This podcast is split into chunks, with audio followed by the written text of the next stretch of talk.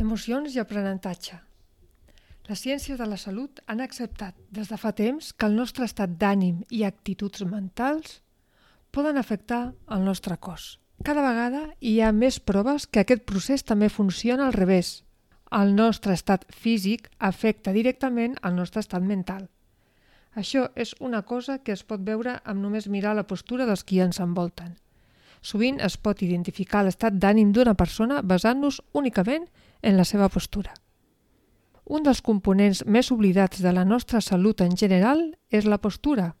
La bona postura pot millorar dràsticament certs aspectes de la nostra salut física i la mala postura pot ser altament destructiva causant rigidesa, malestar i dolors musculars.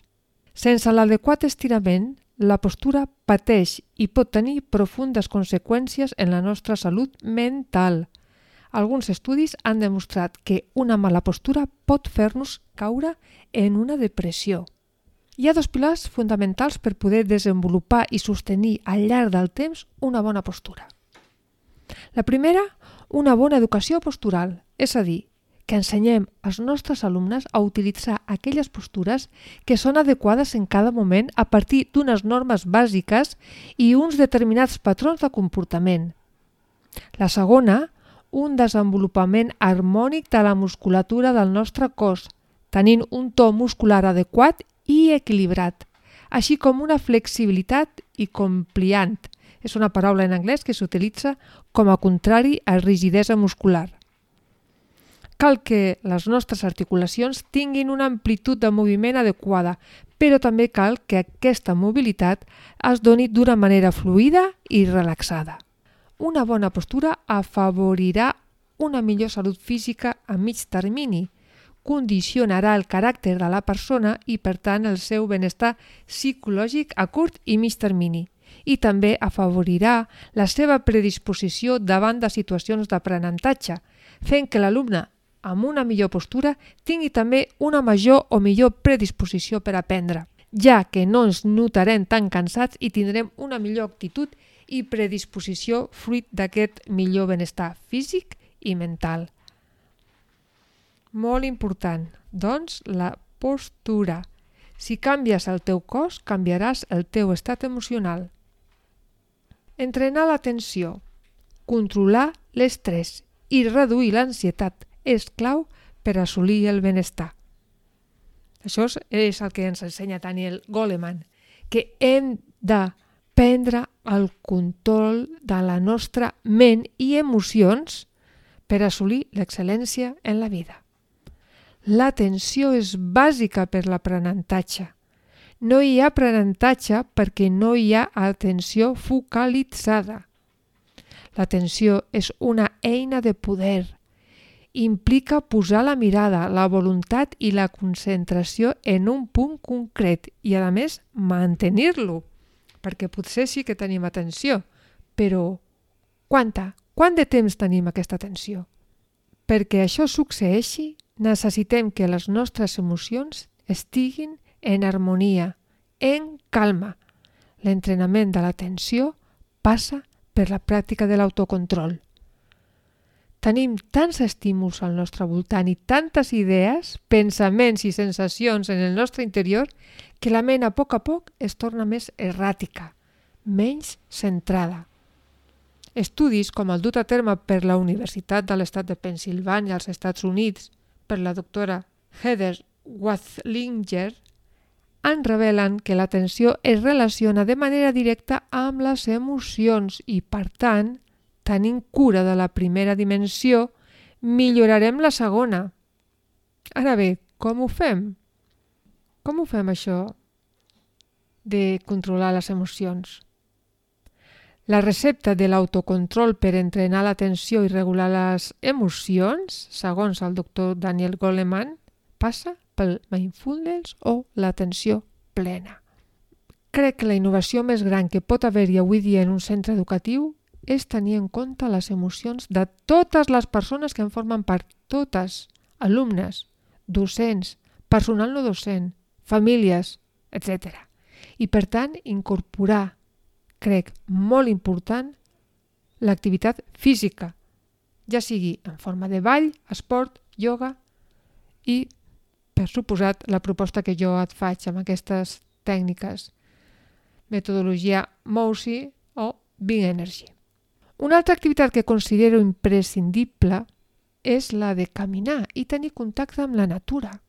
Hi ha escoles que afortunadament estan envoltades de natura i només surten al pati.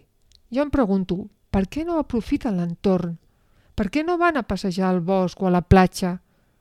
Per què no fan el pati al parc del costat?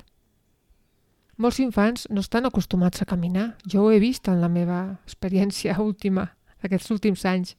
Quan fem excursions amb l'escola es queixen perquè caminem i potser no hem caminat ni, ni 3 quilòmetres. Però després realment s'ho passen superbé. I quina diferència a l'endemà quan arribem a l'aula? Quina diferència de nens? És que s'ha fet el silenci. El contacte amb la natura és la millor medicina. Una altra cosa. Heu provat mai de fer una estadística per conèixer el sobrepès dels alumnes d'una classe o del centre? L'ús inadequat de la tecnologia i pantalles, el sedentarisme i una alimentació inadequada són causa de moltes, moltes malalties. Aquesta és la verdadera revolució educativa, aprendre a reconèixer les nostres emocions i poder, i poder tenir eines i recursos per a gestionar-les. Si no hi ha un equilibri emocional, no podem aprendre. On és l'atenció dels alumnes que els seus pares s'estan separant de forma traumàtica.